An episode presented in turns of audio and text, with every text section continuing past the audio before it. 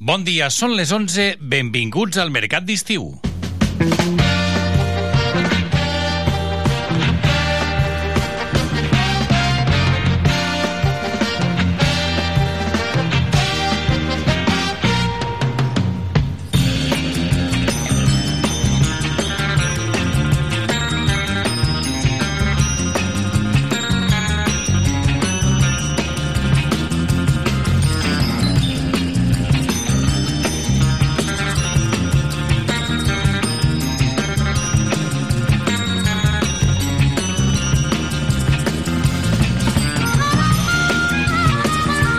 Què tal? Molt bon dia, com estan? Benvingudes, benvinguts. És el Mercat d'Estiu, on nosaltres us venem millor dit, us regalem els continguts com si es tractés d'un mercat. Us els oferim, vosaltres els compreu o no, els tasteu, els digeriu i els aprofiteu. Des de la sintonia de Tarragona Ràdio, contents eh, d'acompanyar-vos un dia més, ja amb aquest dimarts, i a més avui, primer dia d'agost pot ser per, per alguns de vosaltres primer dia de vacances, pot ser per molts altres darrer dia de vacances, o encara us en queden, o esteu a la meitat, o esteu a la platja, o a casa, o fent el menjar, o a l'autobús, mm, sigui quin sigui el lloc des d'on ens escolteu, gràcies per fer-ho i gràcies per la confiança i sobretot, sobretot, protegiu-vos del sol, protegiu-vos de la calor en la mesura que, sigui, que us sigui possible, perquè realment en fa i molta ara mateix a l'exterior dels nostres estudis a l'Avinguda Roma amb molta xafugó i amb 31 graus de temperatura com us dèiem en bell mig, al bell mig de la ciutat de Tarragona. Intentarem passar junts aquest matí de dimarts sense que la calor ens guanyi la partida i de fet eh, us hem preparat diversos continguts des d'ara i fins dos quarts d'una i més enllà perquè s'aniran succeint les diverses seccions amb aquest matí. Acaben d'escoltar a l'Obert per Vacances amb la xarxa de comunicació local de Catalunya i ara comença la programació continua, vaja, la programació en directe i produïda des d'aquí, des de casa nostra, la sintonia de Tarragona Ràdio. Amb Lluís Comes a la part tècnica i en nom de tot l'equip us parla el Miguel González. Fem sumari. Mercat d'estiu. Entrevistes fresques i de quilòmetre zero a Tarragona Ràdio.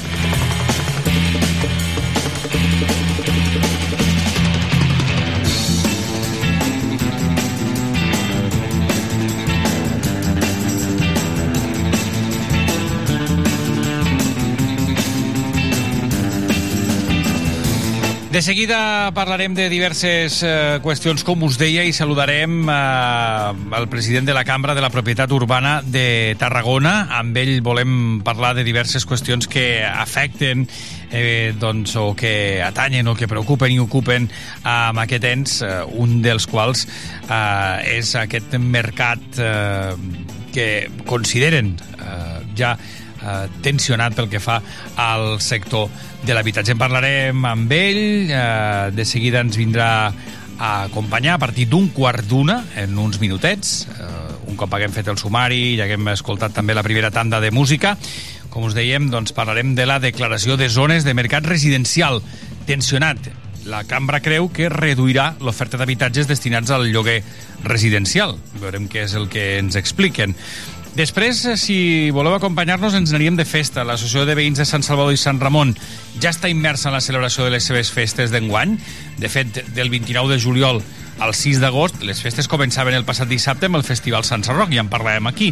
Però enguany han programat diverses activitats per a infants i joves, concursos de truites, sopars de germanor, rebelles, sessions de DJs, vermuts rumberos, cercaviles de foc, exhibicions de dansa, monòlegs...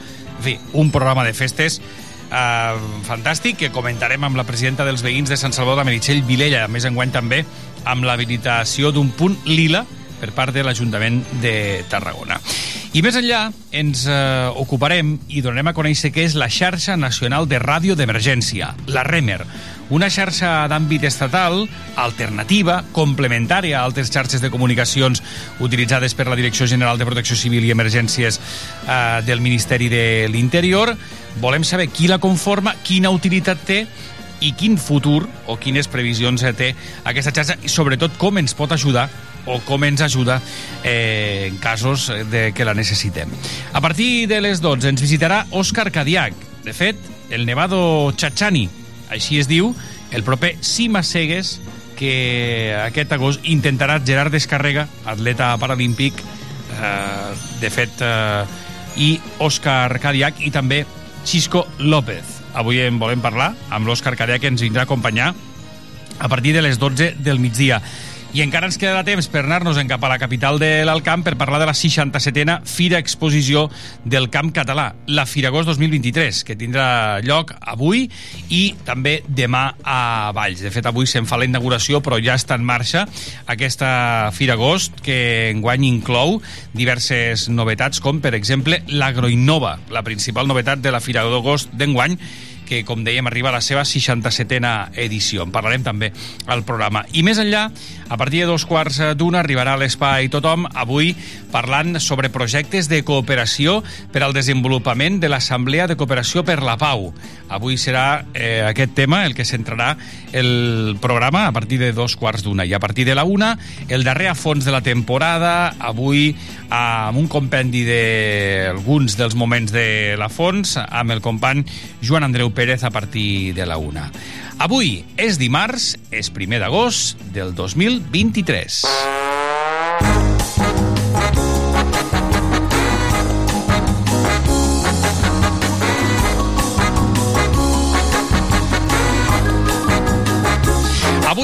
És el Dia Mundial de l'Alegria. Què tal porteu l'alegria? Doncs un dia que serveix per reflexionar sobre la importància de tenir present sempre aquest eh, sentiment en cada moment de la vida, d'intentar estar alegre. És una emoció que es considera transformadora. Diuen que les persones alegres rendeixen més, tendeixen més a estar més sanes i també a provocar al transmetre alegria a les persones que estan al seu voltant. A transmetre l'alegria, a compartir-la.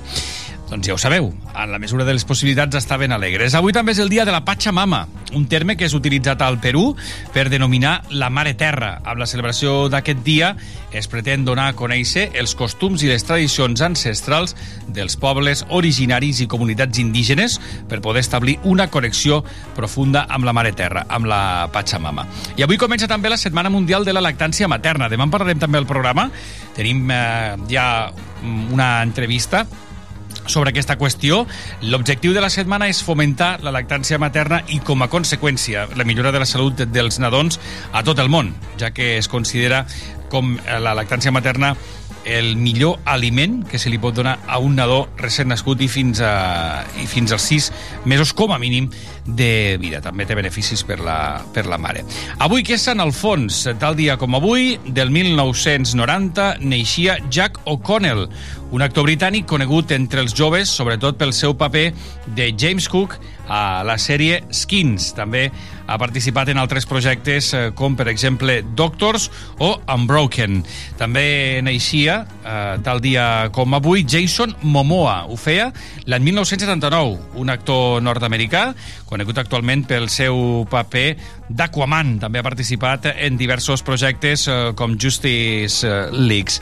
Uh, també és l'aniversari uh, vaja, l'aniversari, on neixia tal dia com avui més que l'aniversari, perquè evidentment ja ens va deixar el Herman, el Herman uh, Melville el 1819, un escriptor i poeta nord-americà durant el període renaixentista. Entre les seves novel·les més conegudes es troba Moby Dick, considerar la seva obra mestra i un clàssic de la literatura universal. Loles León, més actualment, naixia el 1950, aquesta actriu catalana de cinema, televisió, teatre i ràdio.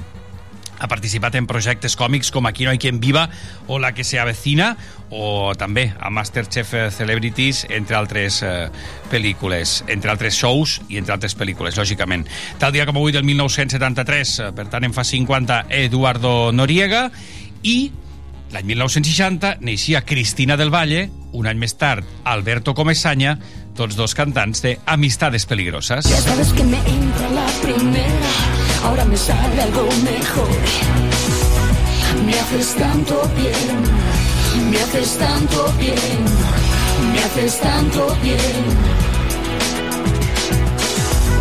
Na na na na na, na na na na na, na na na na na. Enséñame a bajar tu cremallera, ya sabes dónde voy. Ya sabes que pasa la Doncs Amistades Peligroses, amb aquest tema que sonava també als principis dels anys eh, 90. De fet, avui hem viatjat cap a l'any 1991. Tal any com aquell, sonaven cançons com aquesta.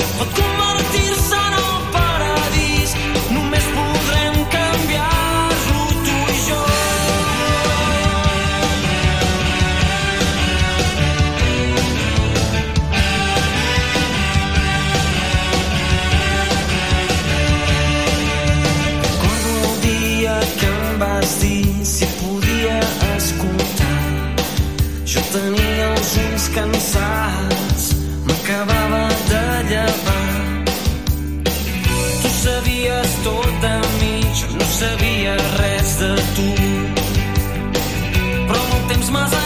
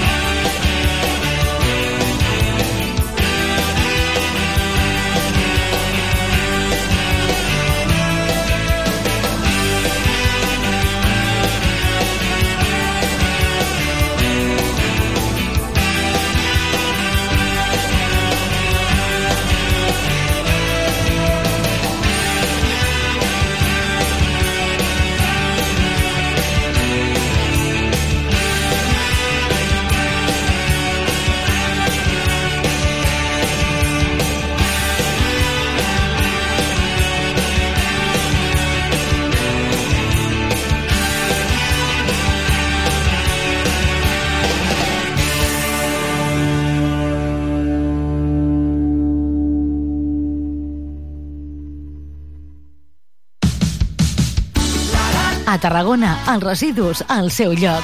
Utilitza la deixalleria. Recorda, els residus voluminosos no van a les deixalleries mòbils. Cal portar-los a la deixalleria fixa. O bé, te'ls passem a recollir si ens avises a través del telèfon verd o l'aplicació app. Més informació a www.tarragona.cat barra neteja. Ajuntament de Tarragona.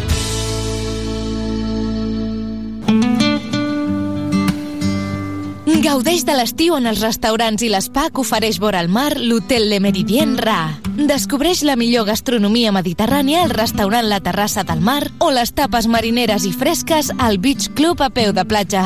A més, relaxa cos i ment a l'Explore Spa de l'Hotel Le Meridien Ra del Passeig Marítim del Vendrell. Reserva trucant al 977 69 42 00 i viu l'estiu a l'Hotel Le Meridien Ra.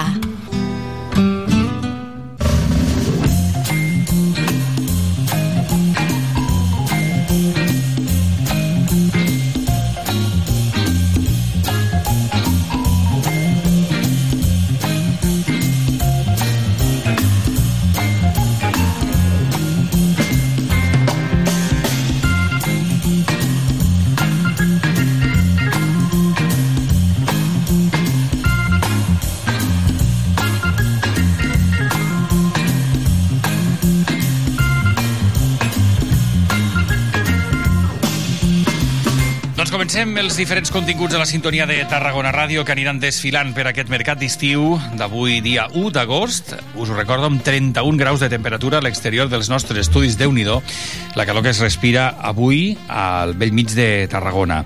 Hem de parlar de diverses qüestions. Una d'elles és que la Cambra de la Propietat Urbana de Tarragona ens explicava fa alguns dies en un comunicat que la declaració de zones de mercat residencial tensionat podrien reduir l'oferta d'habitatges destinats al lloguer residencial. En volem parlar d'aquesta i d'altres qüestions amb el seu gerent, l'Héctor Ruana. Senyor Héctor Ruana, molt bon dia. Hola, molt bon dia. Moltíssimes gràcies per acompanyar-nos. A vosaltres. Uh, no sé si en ple mes d'agost l'activitat d'un ens com la Cambra disminueix, eh, s'atura, imagino que no, perquè tot això continua viu, no? Però vaja... Que... No, no, eh, aquestes primeres setmanes eh, ens passa curiosament que com que la gent doncs, vol ultimar els tràmits abans de marxar de vacances, doncs és, una, és uns dies contrari, de, de augmenta, molta feina no? i, i, i d'altra banda els que -huh. comencen les vacances aprofiten aquests primers dies per engestir també. Clar. Tenim clares les funcions a nivell general, eh? les funcions de la Cambra de la Propietat Urbana de, de la Propietat de Tarragona?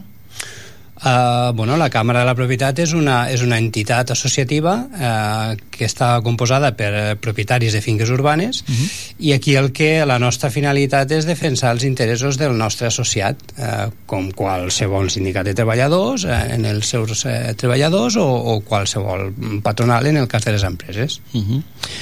Um, parlàvem ara d'aquesta de declaració de zones del mercat residencial tensionat. Explica'ns una mica d'on ve tot, uh, tot plegat perquè heu presentat oficialment al·legacions contra amb aquest acord d'inici del procediment de declaració de zones de mercat residencial tensionat pel dret a l'habitatge.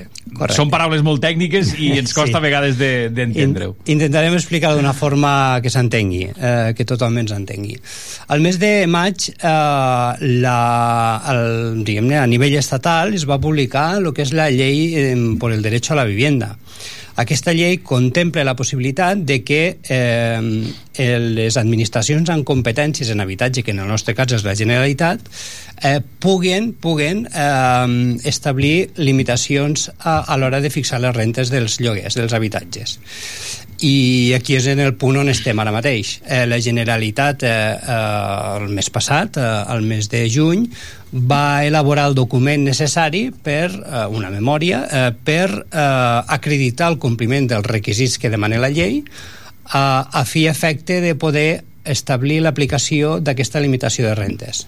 I sempre parlem de eh, mercat residencial, eh, de lloguers, uh -huh. de lloguers de vivenda habitual. Sí. Mm? Què comportarà això?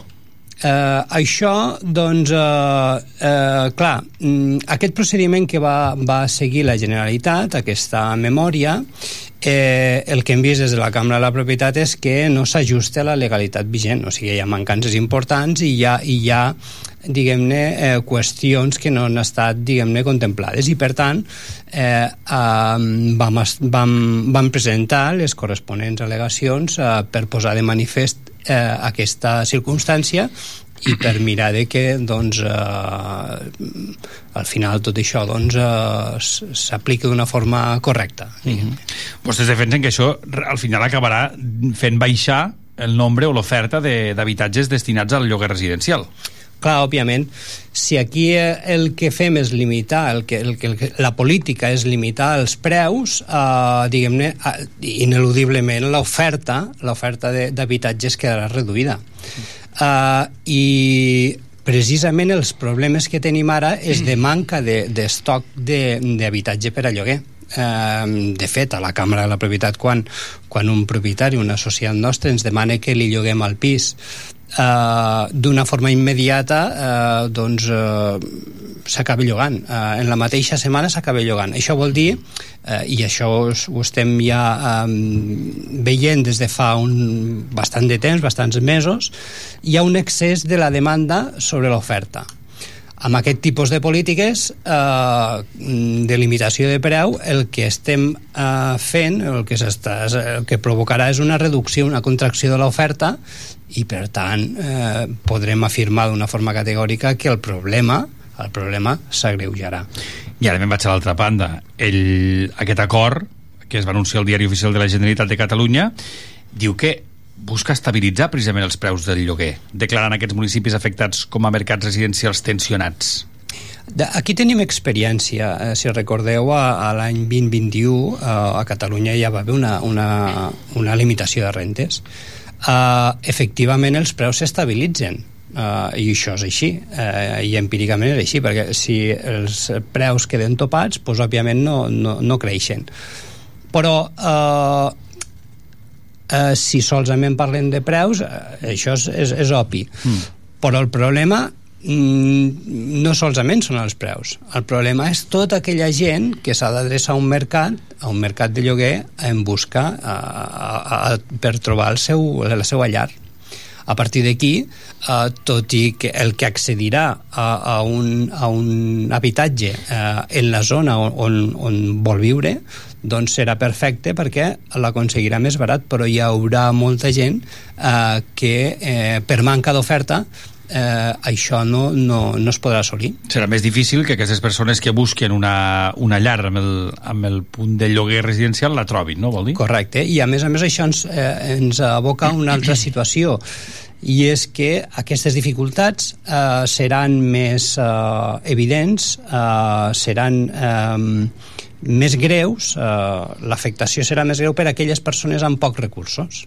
Mm -hmm. Per què? Doncs perquè a, a manca de, de a un excés de, de, la, de la demanda sobre l'oferta, eh, òbviament els eh, llogaters que accediran als habitatges seran els que tinguen unes condicions de solvència, unes condicions econòmiques millors, perquè òbviament els propietaris eh, el que cercaran serà doncs, eh, perfils eh, a l'hora de, de persones que, que tinguen prou capacitat econòmica per afrontar eh, en el present i en el futur a, aquelles rentes a les que es comprometen en el contracte. No? Senyor Rana, què és el principi d'autonomia local?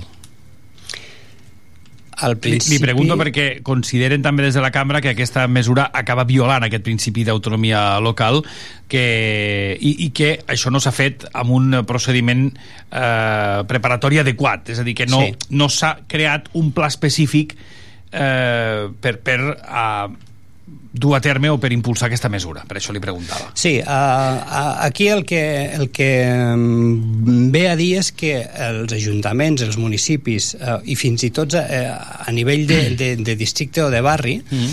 uh, diguem-ne uh, les administracions locals hi, hi tenen molt a dir mm, de fet, uh, si recordeu, quan es va imposar l'anterior la, limitació de rentes, va ser a partir de les peticions eh, que van efectuar els ajuntaments diguem-ne, tota aquesta tramitació que ara fa la Generalitat, que cal recordar que eh, l'afectació és de a 140 municipis de tota Catalunya. Estem parlant del 80% de la població, eh, que no és un baladí, Uh, els ajuntaments hi tenen molt a dir perquè al final el que és uh, diguem-ne la, la política de barri la, la política uh, el problema de l'habitatge en, en gran part uh, o gran part de la solució també passa per, per les intervencions o què, què pugui dir a nivell local un, un, un ajuntament no? I aquí a casa nostra, perquè de fet no ho hem comentat, però Tarragona seria un d'aquests municipis que està dintre d'aquest acord, no? Sí. Seria sí, una sí. d'aquestes ciutats. Aquí a casa nostra què hi ha de dir l'administració? O no sé si mm, juga un paper diferent o, o, o també és tan general com ho hem comentat? Sí, aquí l'Ajuntament, eh, diguem-ne que, mm, eh, eh, òbviament que té, que té a dir l'Ajuntament a través de, en aquest cas Tarragona, a través de, d'ESMAUSA, el Servei Municipal sí. de l'Habitatge, eh, tenen endegades polítiques eh, que doncs, el que busquen, eh, el que cerquen és eh, afavorir eh, que doncs, eh, tothom pugui accedir a un habitatge digne. No? i a partir d'aquí doncs, els, els municipis eh, tenen, tenen molt a dir i, i tenen molt a fer eh, perquè al final eh, doncs des d'un ens eh, amb un àmbit eh, català com pugui ser la Generalitat doncs eh, sempre costa una mica més d'arribar a, a peu de carrer no? a nivell de ciutadà uh -huh. uh, aquesta és la situació com veu el futur? És a dir, què passarà si no hi ha canvis en aquest sentit? Doncs uh, anem a veure. Perquè això entenc que és un acord que ja s'ha pres, que ja està publicat al diari oficial, no? Sí, uh, la memòria està publicada... Oh, ara s'ha d'aprovar, no? Al diari, sí. Hi ha un... Uh, aquesta memòria, de, publicada per la Generalitat el dia al, al DOC del 22 de juny, uh, hi havia un, un període per, uh, diguem-ne, per fer um, objeccions, no? Uh, observacions uh, o al·legacions. Uh, aquest període va finalitzar el dia 20 de juliol, eh, i doncs eh, durant aquest període eh, doncs eh, nosaltres ha estat quan hem, hem fet eh, les aportacions que hem, que hem, que em creu convenients. No? A partir d'aquí, eh, aquesta declaració, aquesta memòria eh, de la Generalitat doncs eh, serà comunicada eh, transcorregut aquest període eh, de, serà eh, comunicada a la Generalitat i a partir d'aquí això si no hi ha cap tipus d'alteració o variació eh, doncs ja tindrà efecte mm -hmm. aquí eh, després hi ha un comprom... la, la llei obliga al, al, al Ministeri eh, al Ministeri de la Vivienda a nivell estatal a, a elaborar trimestralment una relació de municipis afectats per, eh, durant tot el que és la, la vigència aquesta memòria, si entrés en vigor, ho seria per 3 anys, tal com contemple la, la llei, eh, i a partir d'aquí pues, ja tindríem eh, tots els efectes que, que es preveu mm, en quant al tema de la limitació de rentes i tota la resta d'afectacions. Mm.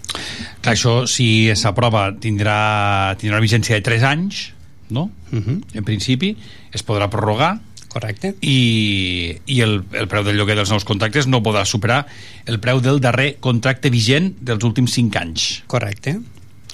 Uh, això és així en el cas de, de les persones que no són grans tenedores, uh mhm. -huh. perquè uh, les persones uh, o, o societats que tinguen més de 10 immobles o una superfície en immobles uh, superiors a 1.500 metres Uh, en aquests casos també hi ha un segon topall, eh, que és l'índex de referència.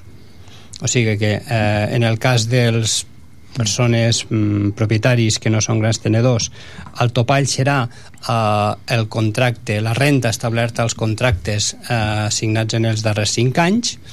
Si no hi hagués un contracte eh, en els darrers 5 anys, doncs eh, es podria fixar lliurement la renda Eh, I en aquest cas, eh, en el cas dels, dels grans tenedors, eh, doncs hi ha un, una, una segon topall que és l'índex de referència, uh mhm. -huh. eh, que en aquest cas eh, serà el mínim. Mm, eh, el mínim de, del, o el preu, eh, la renda dels cinc últims darrers anys, uh mhm. -huh. eh, o, aquest, o aquest índex de referència. D'acord hem centrat molt aquesta, aquesta entrevista amb aquesta qüestió. No sé si hi ha d'altres també d'actualitat que preocupin o ocupin a la cambra o als propietaris. Bueno, la veritat és que eh, des de la càmera, eh, mira, ara mateix estem tancant, estem treballant en el que és eh, l'informe de, de lo que és l'evolució dels preus dels lloguers um, i tot i que encara no està ultimat, perquè aquí el que estem treballant ara és l'evolució fins a segon eh, trimestre d'aquest any, estem eh, veient que eh, la contractació baixa, o sigui, el volum de contractes que es van signant durant els, els eh, darrers trimestres eh, hi ha una davallada, una tendència clara a, a la baixa i d'altra banda els preus pugen eh, i aquest és un efecte que estem, que estem analitzant i que, i que quan tinguem aquest informe ultimat doncs eh, segurament a finals de setmana farem públic. Molt bé, doncs en tornarem a parlar. Senyor Héctor Rubana, gerent de la Cambra de la Propietat Urbana de Tarragona, moltíssimes gràcies per acompanyar-nos aquest matí. A vosaltres. I que vagi molt bé. Moltes gràcies. Fins la propera.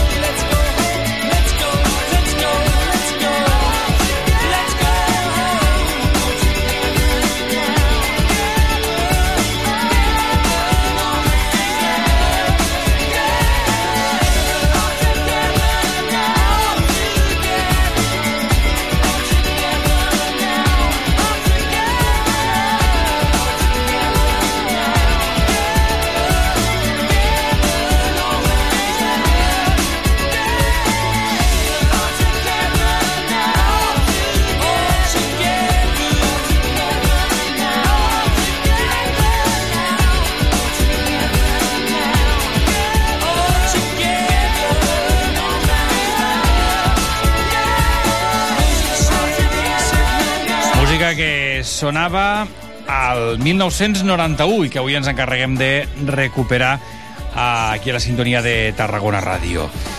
Música, alguns dels temes ens portaran a ambient de festa, com el que es viurà aquest cap de setmana, i de fet aquesta mateixa setmana ja, a Sant Salvador.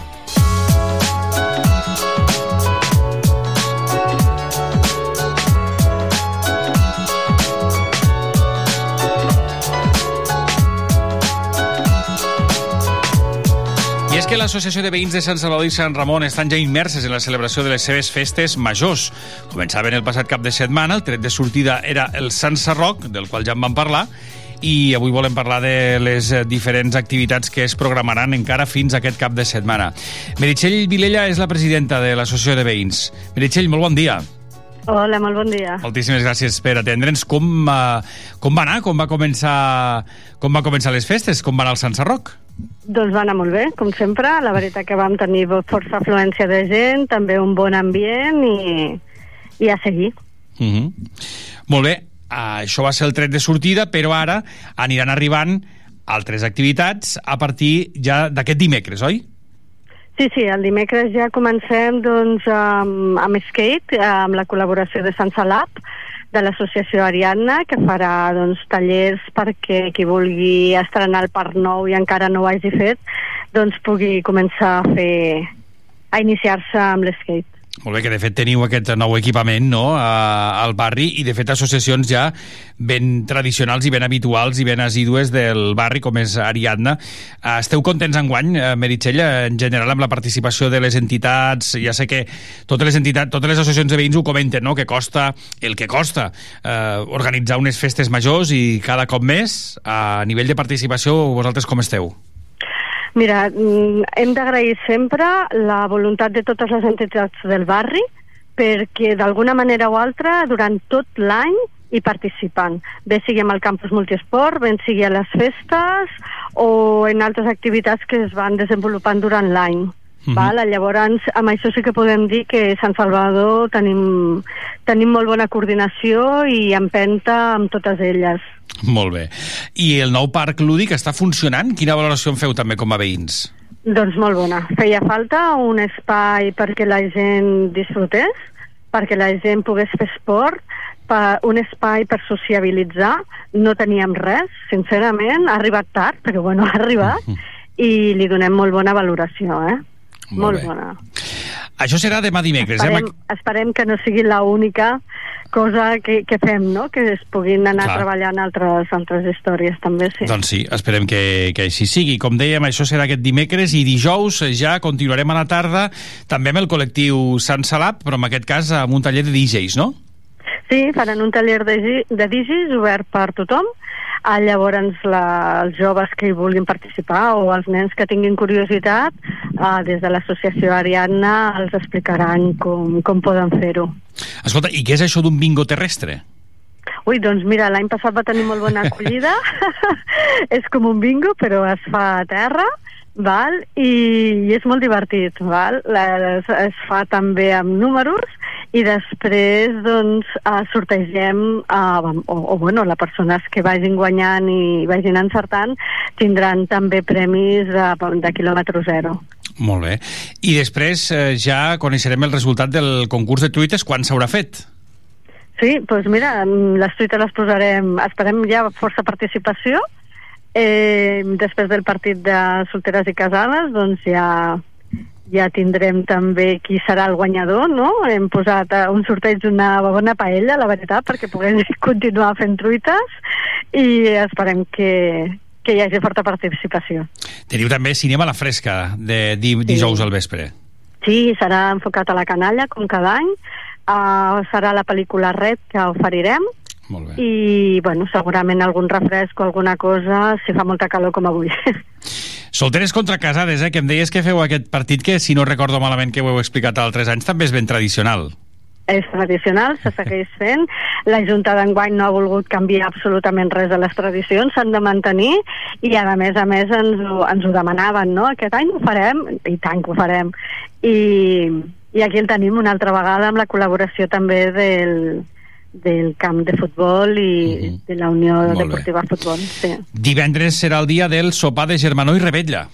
Ah, exacte. Divendres ja tenim aquí ja el plat fort, ja comença amb el, amb el sopar de Germanó, on s'estan ara mateix també reservant les taules.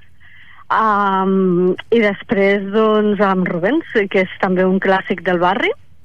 Enguany dir que per temes de que la Junta és nova hem arrencat amb moltes complicacions i moltes històries no ens ha sigut possible doncs, fer aquesta part de, de convidar els, els partits polítics, Mm -hmm. però seran benvinguts igualment Molt bé. si volen venir. Si volen venir a acompanyar-vos, exacte. Exacte. I dissabte ja comencem amb activitats pels més menuts.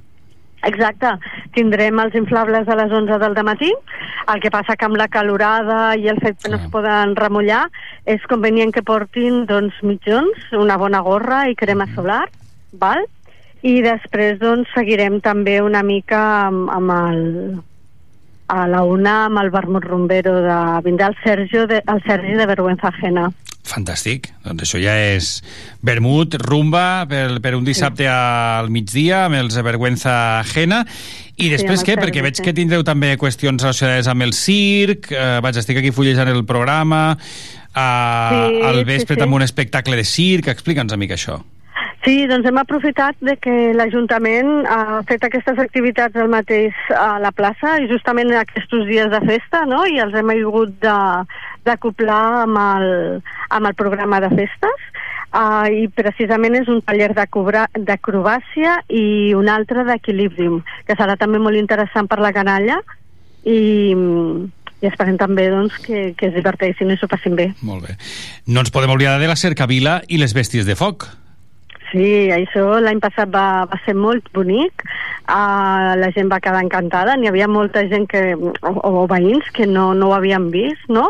I aquest any hem volgut tornar a repetir amb, amb tot el, el seguici i la timbalada. Perfecte. I això serà ja diumenge, gairebé per tancar les festes, no?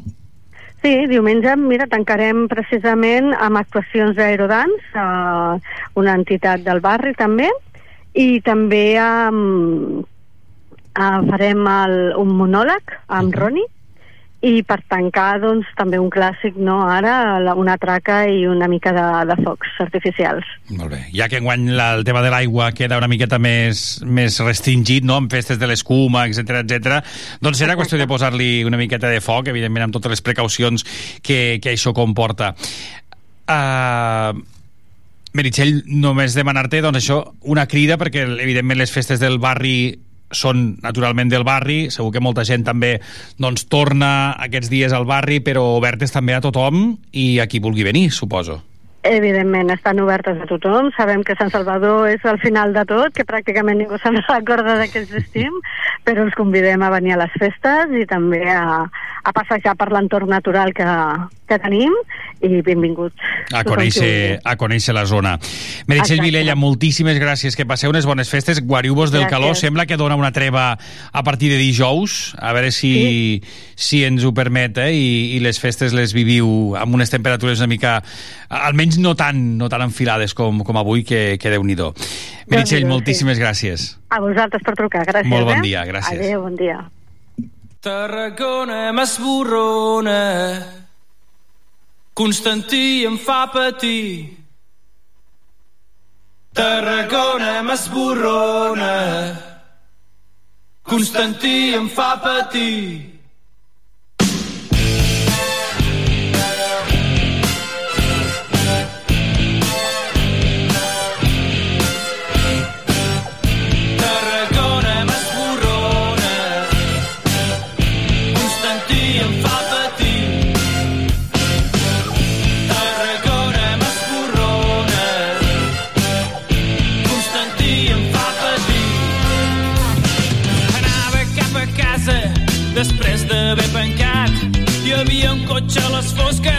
havia un cotxe aparcat.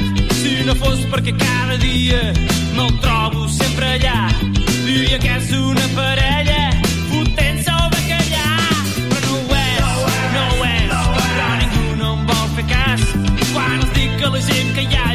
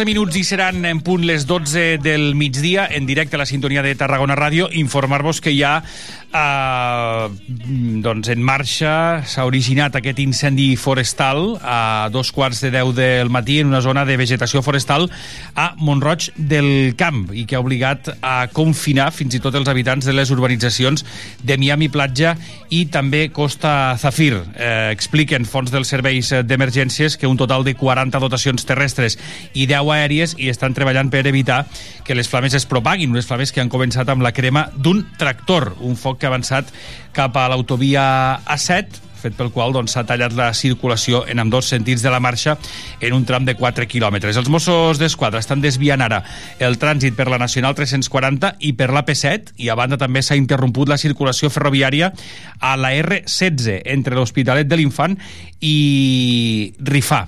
Eh, tenim aquesta informació que l'anirem eh, actualitzant. Es tracta, com dèiem, d'un incendi d'interfície urbana amb terreny erm i que ha començat als afores de l'urbanització del Casalot. Les flames han anat eh, progressant cap a l'A7, s'ha saltat la via al quilòmetre 1131 una carretera que, com dèiem, està, està tallada. Uh, anirem uh, actualitzant aquesta informació. Hores d'ara el cap de l'incendi està confinat entre l'autovia i la via del tren i els esforços se centren ara en els uh, flancs. Uh, anirem, com dèiem, uh, actualitzant aquesta informació i estarem molt pendents d'aquest uh, incendi que, com dèiem, afecta aquest matí aquesta zona a les nostres contrades, a la nostra demarcació. Continuem amb més continguts al programa. Ara hem de parlar d'altres qüestions.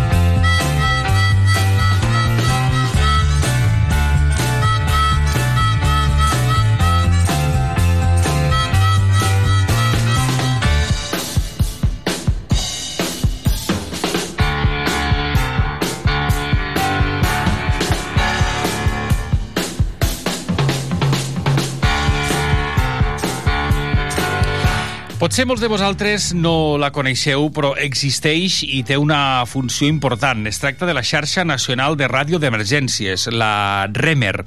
En volem parlar d'aquesta xarxa que es constitueix com una xarxa d'àmbit estatal alternativa, complementària a altres xarxes de comunicacions que utilitza la Direcció General de Protecció Civil i Emergències del Ministeri de l'Interior. Una xarxa que també té presència a Tarragona i de la qual avui en volem parlar. Armand Reig, molt bon dia. Molt bon dia. Moltíssimes gràcies per acompanyar-nos. Ell és el coordinador provincial d'aquesta xarxa Remer a Tarragona i ens acompanya també el Rafael Martínez. Rafael, bon dia. Hola, bon dia. És el coordinador provincial adjunt, per tant, doncs, els dos coordinadors pro provincials que eh, us encarregueu doncs, això d'anar coordinant, valga la redundància, aquesta xarxa.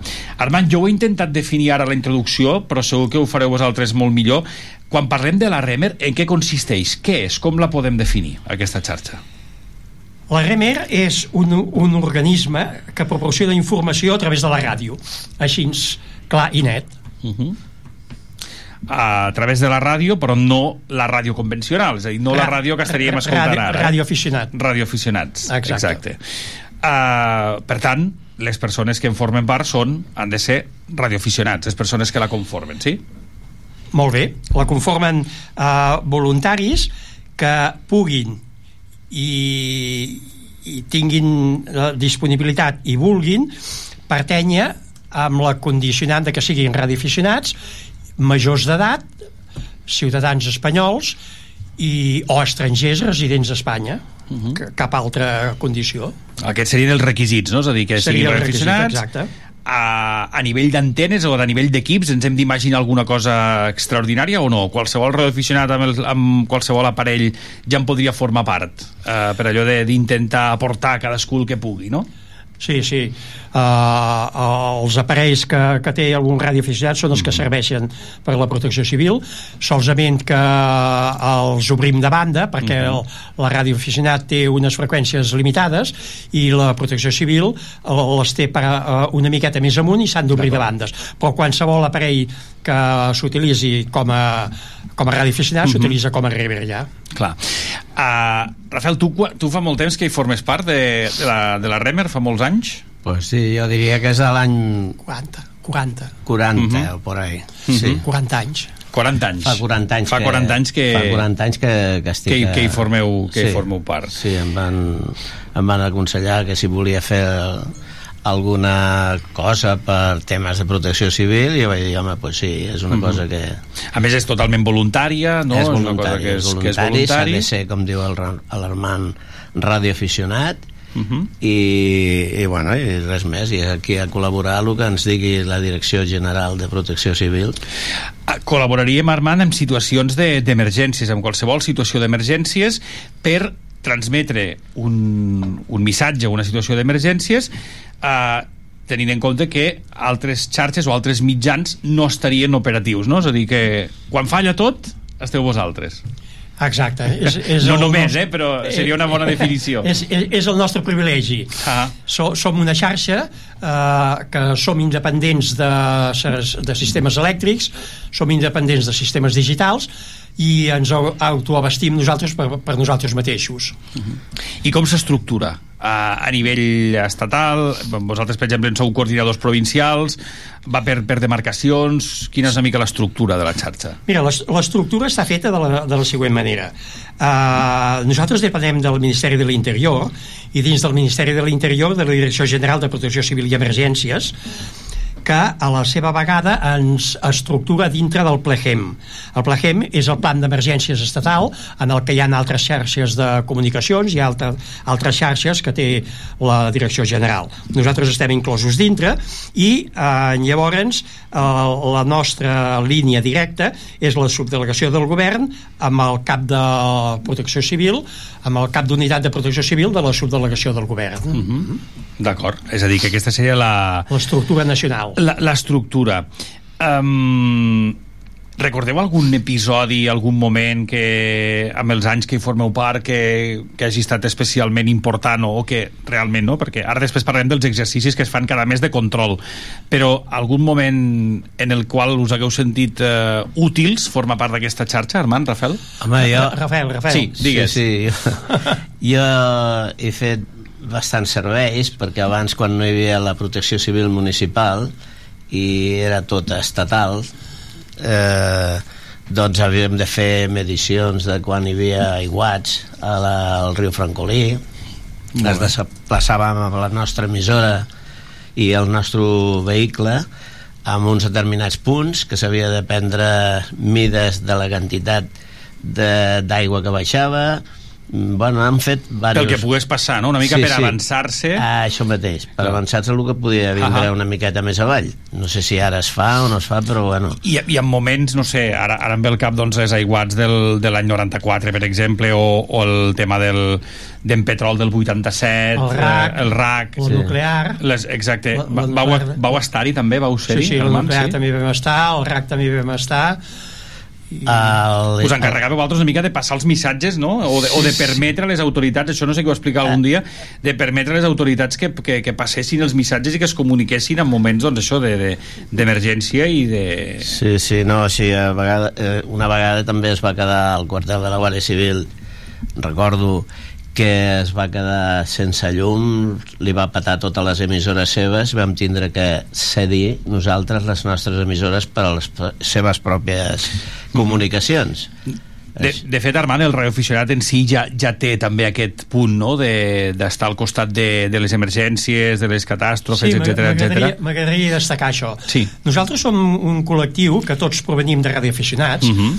Però que en tot moment sempre hem comptat amb el radioaficionat que no està escrit.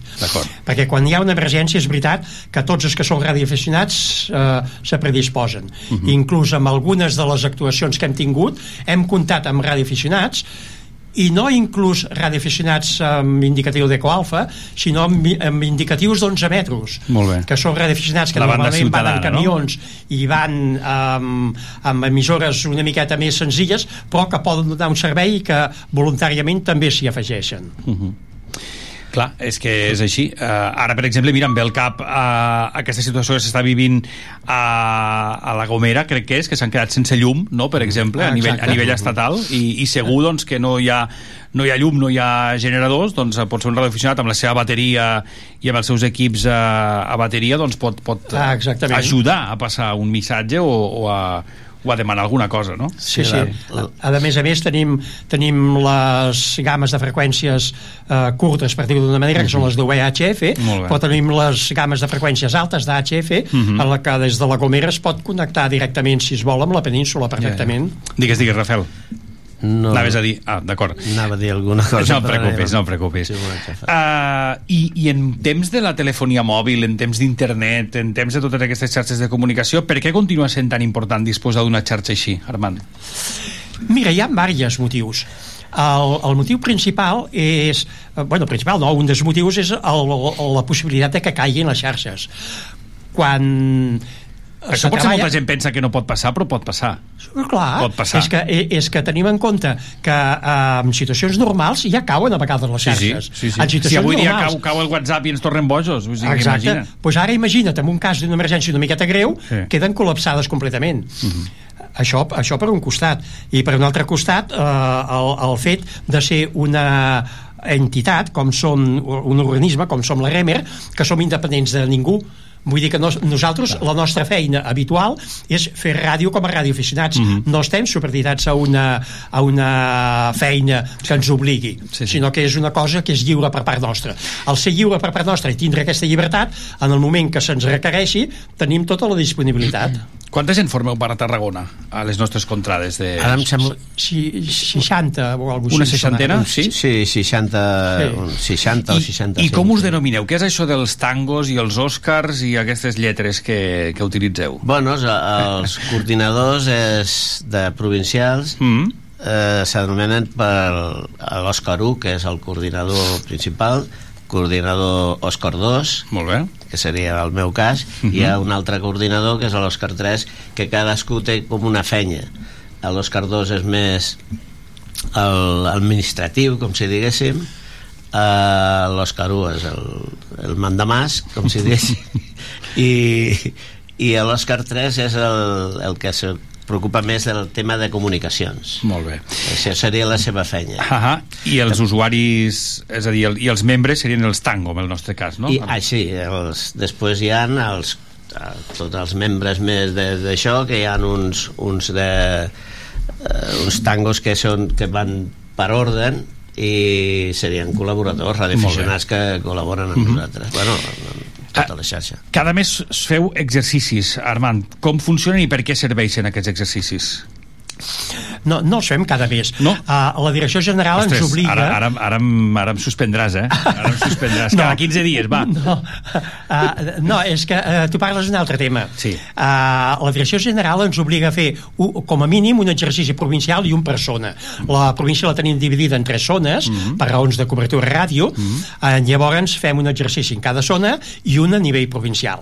I el que tu et referies eren a unes pràctiques de comunicació que fem voluntàriament cada 15 dies. Això és el que tu et referies. Això és el que em referia, exacte. sí, exactament. Però a, a nivell mm, eh, provincial, com a obligació, fem un exercici eh, provincial i un, i un en cada zona. És per veure que tot funciona, que els equips funcionen, que en, que en cas de- d'emergència tot estaria operatiu... i per que us- saber, i per saber perdona que talli, i per saber les cobertures que tenim cadascú de nosaltres perquè encara que treballem amb els nostres equips ens recolzem amb uns eh, repetidors que la direcció general ens posa al nostre servei per poder tindre major cobertura en llavors depenent de la situació eh, orogràfica on estàs pots arribar a un repetidor, pots arribar a un altre llavors aquests exercicis ens serveixen per saber qui arriba a quin repetidor i saber, eh, segons on tinguéssim el- la incidència, a on podríem arribar.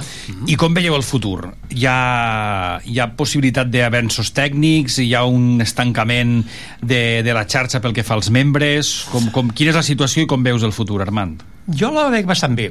La veig bastant bé perquè eh, va haver una època en la que vam tindre mol, molts col·laboradors que verdaderament potser la intenció primària no era pertany a la Remer, sinó tindre un medi de comunicació per comunicar-se com érem els radioaficionats. Els radioaficionats també teníem molts que no eren radioaficionats de veritat, sinó que el que es pretenia era tindre una comunicació voluntària per parlar amb aquest o parlar amb l'altre, però no en plan radioaficionat, sinó eh, a la falta del telèfon mòbil, per dir-ho d'una manera. sí, sí. I ara tot això s'ha anat eliminant, anem tenint gent que és verdaderament radioaficionada, i per un altre costat eh, fins al 2015 nosaltres estàvem eh, adherits a la direcció general però per explicar-ho d'una manera ràpida i, i clara com una empresa eh, particular que, que quan ens demanaven ens cridaven i eh, nosaltres voluntàriament participàvem des del 2015, a partir del 2015, ja estem estructurats dintre del Plegem, dintre de la Direcció General, i formem part de la, del, de la protecció civil estatal per ofici ja. I això comporta que totes les instal·lacions que tenim de repetidors i, i accessoris que tenim eh, arreu de la província, fins ara el senyor Rafael i, i, i molts altres com el senyor Rafael i el senyor Armand pues, anaven amb la seva furgoneta i el seu cotxe a arreglar I repetidors, a arreglar mitjans, antenes no? i arreglar coses i, i a posar diners de la butxaca. I això, a partir del 2015, ja tenim una empresa que se'n cuida i és la que ens anirà fent tot l'abastament de, de reparacions, instal·lacions i tot. Molt bé. Jo dintre del, del que fem volia destacar també una mica el dia dels alfacs. Mira, El senyor... això és el 78, si no Sí. m'equivoco, no?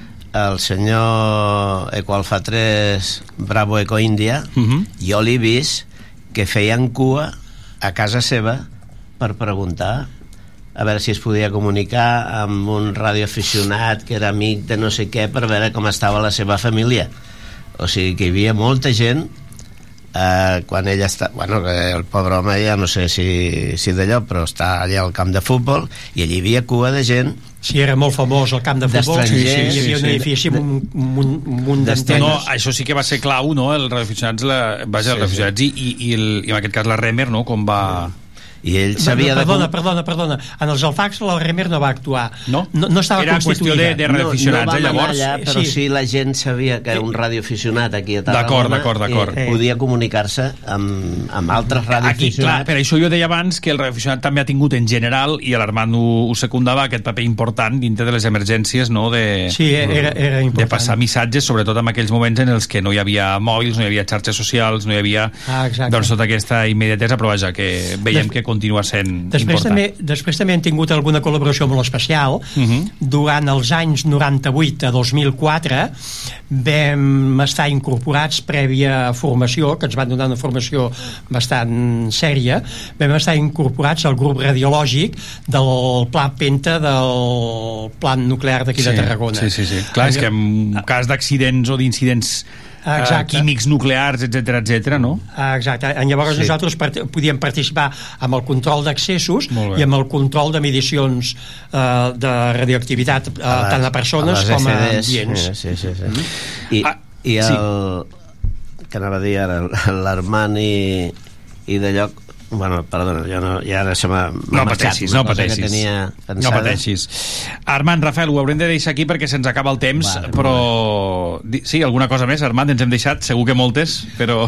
Sí, Sí, perquè aquí eh, les, les actuacions, com bé ha dit el Rafael, en principi nosaltres les assumíem i, bueno, pues ara eh, tothom té les seves competències Mhm. i salvo que eh, per part de la subdelegació del govern se'ns assigni el contrari, nosaltres estem en situació de de stand-by eh, que se'ns digui el que, se, El que hem de el que se'ns mani i a cooperar possiblement amb la unitat militar d'emergència. La unitat militar d'emergència tenen un bon desplegament i equipament però eh, possiblement se'n vulguin aprofitar la, de la nostra eh, avantatge de, de, de desplegament territorial que tenim tenim a prop de 30 municipis a l'arreu de la província de Tarragona on tenim membres REMER això és un avantatge molt gran Clar. i eh, coneixedors del terreny llavors un accident al que pugui vindre la unitat militar d'emergència mm -hmm. amb nosaltres pot trobar un bon recolzament Correcte.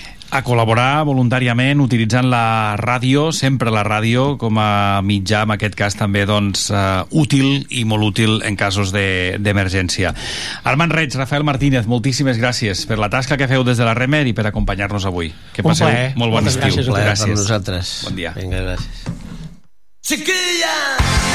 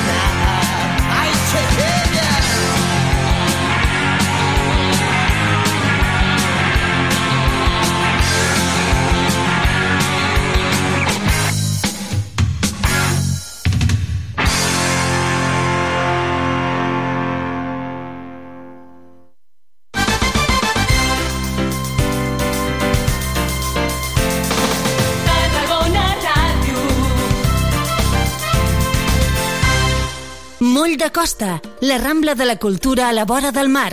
Vine i passeja per l'eix de la cultura, del lleure i de l'esport al Port de Tarragona. Hi trobaràs museus, exposicions, teatre, activitats, espais per passejar i fer esport.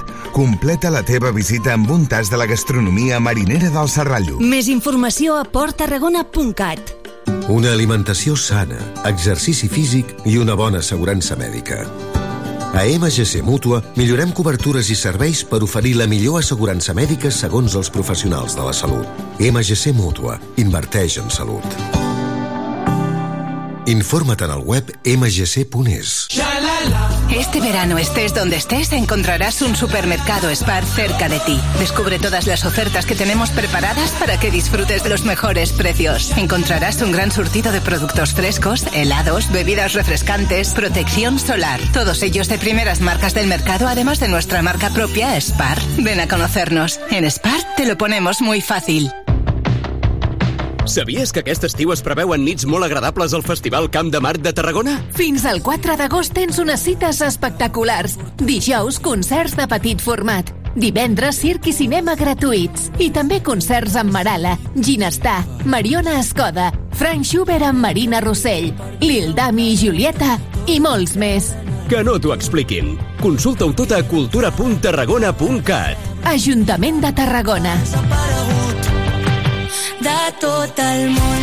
El que més m'agrada és que també hi visquis tu. A Tarragona Ràdio som 40.000 oients. Anunciat a la ràdio local líder en l'actualitat, entreteniment i informació tarragonina. Contacta amb nosaltres al 977 24 53 64 de 9 a 2 al migdia o escriu-nos a publicitat arroba emmct.cat perquè a Tarragona Ràdio t'escoltem.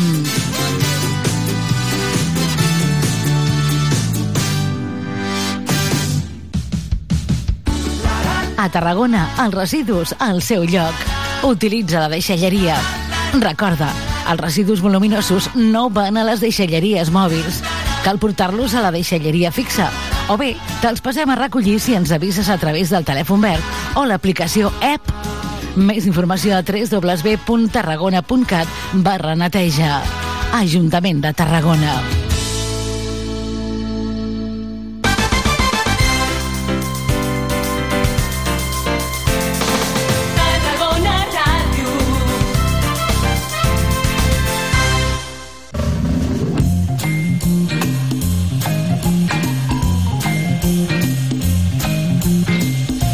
Seguim en directe a la sintonia de Tarragona Ràdio. Ara mateix eh, passen 13 minuts de les 12 en punt del migdia i va pujant aquest termòmetre que sembla que avui no té mesura, no té topall. 33 graus de temperatura a l'exterior dels nostres estudis, segons marca ara mateix el termòmetre. Eh, no sé si farà tanta calor al Nevado Chachani, així es diu el proper Cima Cegues, eh, que aquest agost eh, intentaran Gerard Descarrega, atleta paralímpic, doble or als eh, 400, Òscar Cadiac i Xisco López. Òscar Cadiac, molt bon dia. Bon dia. Deu Com fer es- tanta calor al Chachani, no, no? Com esteu? Jo crec que allà el temps és una mica similar, però l'estació és canviada. Allà és hivern, però també a les parts baixes fa molta calor. A més, s'acostuma a fer molt bon temps. A veure si tenim sort aquesta vegada i el temps acompanya. Uh, realment aquí la, és més la xafagó que fa que també la calor, no? I sembla que venen alguns dies que després farà una miqueta més de Una fresca. mica de si treva, més, sí. Si més no, més vent, no? Almenys esperem que, que faci una mica de treva. Eh, és bon moment ara, meteorològicament, climatològicament, per ascendir, Sí. aprofitar aquesta estació? Sí, penso que sí. Eh, a vegades ens podem equivocar, però penso que sí, perquè sempre que he estat als Andes, he estat, eh, bueno, parlo dels Andes del Perú i Bolívia, sí. he estat a aquests períodes de juny, juliol, agost, i concretament l'any passat també van ser l'agost, el temps va ser, en generalment va ser bo, algun dia va haver nevades, però bueno, això ja forma part del joc de l'alta muntanya. Clar, no hem d'oblidar que estem, eh, estem estarem practicant andinisme i que aquestes muntanyes es troben a partir de, de 4.000 fins a 6.000 metres doncs és un lloc mm, ja on abunda la, eh, la neu, no? 6.057 metres d'altura, això estaria a 55 quilòmetres al nord de la ciutat d'Arequipa, això és al sud del Perú. Què té d'especial o què n'hem de saber d'aquest uh, pic? Bé, jo és el primer cop que hi aniré, però mm, hem escollit aquest... Eh, és un volcà, eh, perquè és més pedregós, hi ha menys neu, i perquè ens volem posar a prova amb el tema dels 6.000 metres. Això que ens oferirà, que, que en, tant en Gerard com en Xisco com jo mateix eh, són alçades que que per ells és el primer cop que estaran, per, per mi no, però tot el cos requereix una adaptació, una aclimatació. I preferim fer-ho en aquest uh, punt que, que és una part de, de, de muntanya que és més aviat eh, pedregosa i rocosa que no en un terreny doncs, d'altíssima muntanya com poden ser allà la zona de l'Huascaran que és amb, amb geleres, amb esquerdes, amb ponts de neu, amb, amb altres eh, riscos subjectius que, que aquí no, no tindríem. No? Aquí tindríem el factor de l'alçada, que és el que ens haurem d'adaptar, i amb 10 dies que estarem amb aquesta contrada penso que serà eh, ideal. O sigui, tot el que hem de patir ho patirem aquí, eh, en quant a l'alçada i el mals de caps i el puja i baixa i la sensació de que no, que no et trobes bé, per després poder-nos trobar bé el, quan ens traslladem a la serralada, a la Cordillera Real, que és la de Huaraz, que és on està el Huascaran. Clar, és que el cos s'ha d'anar adaptant i això imagino que requereix una preparació física ja amb antelació, no?, per, per totes aquestes inclemències i totes aquestes eh, situacions d'estrès que, que, li, que ha de patir el cos, no? Sí, eh, és un estrès eh, diferent, no és l'estrès de, que, vi, que vivim aquí en la ciutat en el dia a dia, mm. perquè també n'hi ha, aquest és un estrès que nosaltres eh, desitgem i busquem, però sí que és veritat que està sotmès a uns canvis de temperatura bastant yeah. forts. No? Durant el dia pots arribar amb temperatures de, de, igual que aquí, de 35, de 40 graus d'escalfor i durant la nit eh, o quan es posa núvol et pot baixar eh, 20 sota zero i el, quan hi ha una oscil·lació tèrmica de 40-50 graus que el cos, eh, vulguis o no, se'n ressent. Sí, Això s'ha d'anar adaptant eh, amb el metabolisme, la morfologia del, del teu cos per poder suportar aquestes uh, situacions, no? I no es fa en un dia, es fa en diversos dies. Uh -huh. mm, bé, és lo interessant que té. Si no existís l'aclimatació, uh arribaríem als llocs i només serien rècords, rècords, rècords, s'ha pogut pujar amb, amb tant de temps i...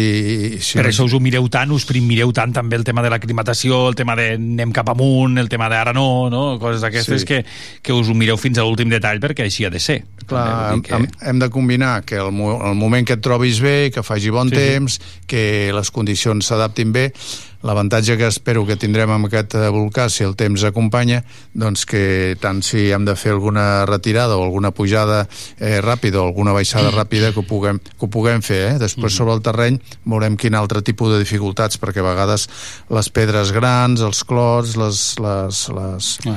els desnivells, doncs tot això costa de, de salvar i més que estem parlant que nosaltres ja anem més lents de per si perquè eh, bueno, ells estan molt forts, físicament estan molt forts, mm -hmm per una cosa és estar fort físicament i l'altra és estar preparat per l'alçada, no? I després hi ha un tema que, que és aquest tema del cim a cegues, que no sé fins a quin punt dificulta o no el tema de, de l'ascens, però sí que suposa que han d'haver-hi unes qüestions específiques, no? Eh, Tot... Per una persona que no hi veu, com és el cas del Gerard Descarrega, pujar aquest, uh, aquest cim amb, amb vosaltres, dins del cim a cegues. Ja, ja sé que ja n'heu fet, perquè heu anat a l'Aneto l'any 2020, després va ser el Mont Blanc, després heu anat eh, fent diverses, diverses fites, i, i ara aquesta.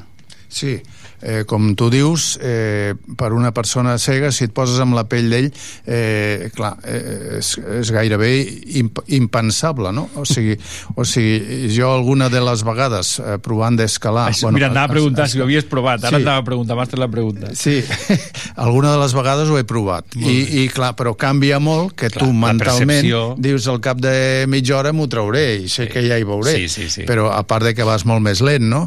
Llavors ell té unes qualitats també també superdesenvolupades, que són els altres sentits, Correcte. que ell percep de seguida si hi ha un riu, si hi ha eh, un abisme, si hi ha bosc, si hi ha roques, si, i tal, i ho percep abans de que arribis tu, con la qual això t'ajuda molt. I a part que és un motivat nat, tant ell com el Xisco eh, estan molt motivats i bueno, jo m'haig d'encarregar d'aquesta part de seguretat que per mi, com tu dius, és també eh, fonamental, perquè clar, eh, si tenim un, un incident, eh, aquest incident es pot complicar fàcilment, no?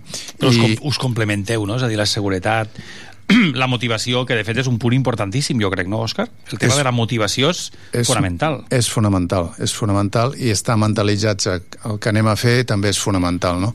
Per això jo he volgut posar-nos a prova els tres, perquè aquí ja m'incloc jo, primer amb un cim de 6.000 metres, perquè, a veure, jo també puc, puc fallar, eh, em puc sentir eh, molt destruït, perquè és, has d'estar pendent d'aquestes jugades dia i nit, i, i bueno, canvia molt que tu, tu mateix, per exemple, vens aquí a la ràdio, tu coneixes pam a pam Sí, sí, sí, on clar. està la porta, Clar, on clar, està... clar, clar, clar, però allà no coneixes res. El passadís, allà no coneixes res i a més a més és un espai obert i que no pots anar lliurement un moment no. donat perquè eh, jo li haig d'anar explicant si és un terreny franc que sí, sí. pot evolucionar una miqueta sol o si hem d'anar subjectes a l'un a l'altre. Normalment anem amb un, amb un bastó molt lleuger uh -huh. eh, perquè vam descartar aquesta barra fixa que s'acostuma a portar per terrenys així una mica desconeguts, primer uh -huh. perquè pesa i ja la vam descartar des de la primera vegada que vam anar a la Neto, després vam fer el Mont Blanc després Quan... Quan fem provatures també el sistema Sí. de guiatge, no? Sí, i al Mont Blanc li vaig dir t'ha resultat més dur un o l'altre clar, què li va resultar dur de la Neto? tot i escollint la ruta, una ruta diferent eren els blocs, les pedres grans els sots que hi ha entremig dels blocs i que clar, eh, una de cal i una d'arena, no? Sí. De tant en tant enganxes un clot d'aquells i encara que estiguis subjecte a mi doncs eh, te'n vas per avall igual un metro, no? I, i aleshores això són cops a les cames i bueno, anem a dir que el Mont Blanc pràcticament no va tenir cops perquè és, és tot amb neu i és més homogeni i vam enganxar també un bon, un bon moment, vam tenir sort perquè no els quatre dies que vam estar allà va fer bo, simplement el dia del cim, que era el més necessari, va fer bo, però després vam baixar amb mal temps, no? Uh -huh. I aquí als Andes doncs, ja vam tenir l'experiència l'any passat i ens vam trobar amb la problemàtica que hi ha moltes esquerdes i aquestes esquerdes ja són mm, complicades inclús per una cordada eh, que encara que hi vagi jo al davant perquè eh, pots passar un pont fràgil de neu es pot ensorrar llavors ells també han de disposar una mica de la de la recursos per poder-me a mi recuperar d'aquella esquerda, però si jo quedo inconscient dins de l'esquerda, no em veuen com estic, encara que estigui penjat d'ells, eh, per això m'he incorporat també una quarta persona que, està, que viu a Huaraz i aquesta quarta persona doncs, farà una mica les funcions doncs, de, que puguem fer dos cordades Clar, amb, clar, més, és que, amb sí, més sí, soltura. és que si no depenen únicament de tu. Exacte. Vaja, evidentment no, perquè, perquè evidentment són, són com tu deies, doncs, molt ja tenen aquesta expertesa en certa manera i, i, sí. la, i la motivació, les ganes i, i evidentment doncs, tot el que s'ha de tenir per fer aquesta, aquesta, aquesta, aquesta prova i aquest repte, eh? però Sí, ell- evidentment ell- visualment Sí, ell, perdona, ell, ell és quasi, quasi, quasi autosuficient Sí, i en sí. moltes coses. Lògicament, per, això, per això, això sí. de dependre no, no, Sí. no m'havia sonat bé. Sí, i, i, i llavors ell re, uh, realment pot fer moltes coses perquè de fet uh, hi ha, mm, per exemple, anem a muntar la tenda i ell co col·labora com Clar, una clar, persona més sí, sí, sí. Eh, és- és, es prepara la seva motxilla, es prepara les seves coses Sí, sí. Eh, llavors mm, sempre hi ha d'haver una miqueta de recolzament un, un cop d'ull i això eh, bueno, fa que les coses se facin una mica més, més lentes però el que no descartem és que siguin sempre segures. Segures, no? la seguretat davant de tot. Exacte. Quin calendari porteu, Òscar? Quan, quan doncs marxeu? marxem el dia 11 perquè marxem de Madrid, el vol serà de nit, llavors eh, viatgem amb tot l'equip i el material. Eh, en aquest eh, moment eh, Iberia ens, ens col·laborarà en el, en el vol per de tal manera que puguem portar mm, port, portem bastant d'equipatge perquè en portem tendes, portem cordes portem sacs de dormir, portem alimentació el gas no el portem d'aquí el comprem en allà però clar, necessitem una sèrie de recursos eh, Clar, i tot- fonamentals. I tot això també va amunt amb vosaltres, no? Mm, això va bastant amunt, sí, per lo menys no fins... evidentment no fins a dalt de tot, però sí que Sí. va fins a l'últim... Fins al camp base. Fins al camp base, exacte. Sí. Jo, disculpa que no em conec tant sí. des... El camp base és el punt de on eh, l'any passat vam ser capaços de ser autosuficients nosaltres mateixos, però això també és un desgast d'energia molt important, perquè si hem de remuntar, per exemple, a la quebrada del Llanganuco, que és un dels llocs espectaculars i un parc natural de, de, la, de la Cordillera Blanca de, dels Andes, eh, allò va ser molt bonic, però és clar, pujar amb 30 o 40 quilos a l'esquena eh, deixa que després necessites uns dies de repòs. Aquests dies de repòs, eh, si fa bon temps, els desaprofitem a la muntanya. Aquesta vegada, doncs, d'alguna manera arribarem al camp base del, de, de, del Chachani, que està doncs, a, a unes 3-4 hores d'Arequipa, ens desplaçarem amb vehicles, veurem si ens acompanyen, i en aquest punt, des d'allà és on farem una ascensió eh, per, per descobrir el terreny que ens hem de bellugar i després faríem un camp d'alçada i probablement ja faríem el cim o intentaríem el cim de l'Arequipa i tornaríem a baixar. Si no surt bé a la primera, tindrem espai de dies per fer descansar al camp base i tornar-ho a provar i jo penso que doncs, serà una qüestió perquè normalment els cims se fan en un dia, en Mhm. concret, el que Mhm. fa bo i el que et trobes bé i que tots Clar. els, els astres estan arrenglarats Se i dius, mira, tot, no? Sí, avui ha sigut el dia, eh, però normalment la, la prevenció o la preparació requereix doncs, un dia o dos dies, no?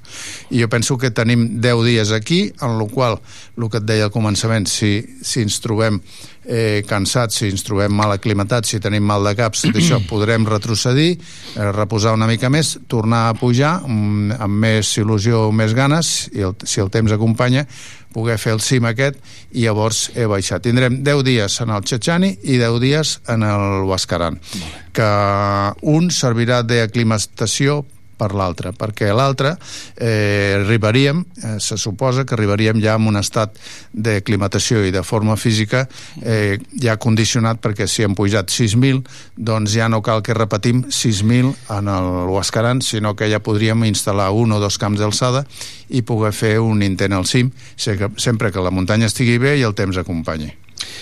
Uh, Òscar, la... us anirem seguint, eh, evidentment. Sí. Us anirem seguint, us anirem uh, seguint la pista amb el company Josep Sunyer, que ja ho saps que se'ns fa Sí, sempre d'enllaç. I el pont de Mahoma. I el pont de Mahoma, precisament, ara, ara parlàvem de cims, el passat 27 de juliol, la setmana passada, es complien 6 anys del Broad Peak, d'Òscar Sí. Cadiac, moment històric Moment de l'alpinisme, que vam viure aquí, Sí. gairebé en directe, I recordo que I que estaves tu també aquí, que ens es- seguies moltes vegades en el programa, tot Sí. i que estàvem fent també eh, el pont de Mahoma, que Sí, ja sí, havíem sí, començat sí. el 2014. però és veritat que quan trucava, perquè això ho hem d'explicar, l'Òscar trucava quan podia, i llavors sonaven els telèfons, es paraven les màquines i entra Òscar Cadiac en directe i ens agafava el programa, no? Moltes vegades, al final, recordo que moltes vegades es tallava perquè la comunicació era la que era. Sí, perquè és que és, és complexa, perquè Clar, clar. allà no és com un telèfon d'aquests que tenim no, no, aquí. no, és allà un telèfon és un satelital amb l'iridium i Sí. totes aquestes coses. I Eh? tenies que enganxar al moment del satèl·lit, Mm. la, la, el, el parlar i la veu, doncs eh, queda ja un, un, de, un delay, hi ha un, uns, uns moments que tu parles però no saps si t'escolten i llavors eh, tu ho reps i, i, i també passen uns segons fins que no se rep la resposta, no? i va ser un, per mi també un moment especialment emocionant, però també era uns moments que dalt del cim eh, a mi ja em sabia greu que estiguéssiu tota la nit eh, pendents, però és evident que sortim, No, no, però- sortim a les 7, quarts de 7 de la tarda, que no arribaríem a les 12 de la nit, vull dir que estaríem tota la nit eh, pujant i si el, si el temps ho permetia doncs arribaríem sobre la matinada.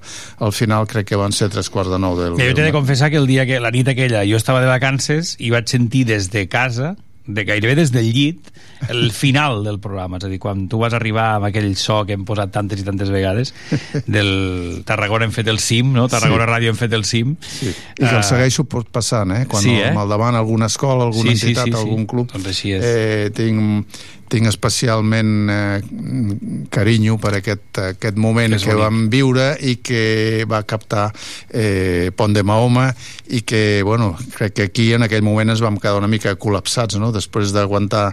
Eh, bueno, però ja era el tercer any que Va, s'aguantava ja, ja, tota la com- nit, tots Sí, aquí sí. pendents de- d'aquesta trucada Mhm. i, que, i que no arribava i que no arribava i quan va arribar doncs eh, va ser emocionant perquè llavors no sortien gairebé no basaven les paraules, paraules, no, sinó no, que passaven les llàgrimes, no? Òscar Cadiac, que segur que en vindran moltes més com aquesta. Uh, moltíssimes gràcies per acompanyar-nos, que vagi molt bé.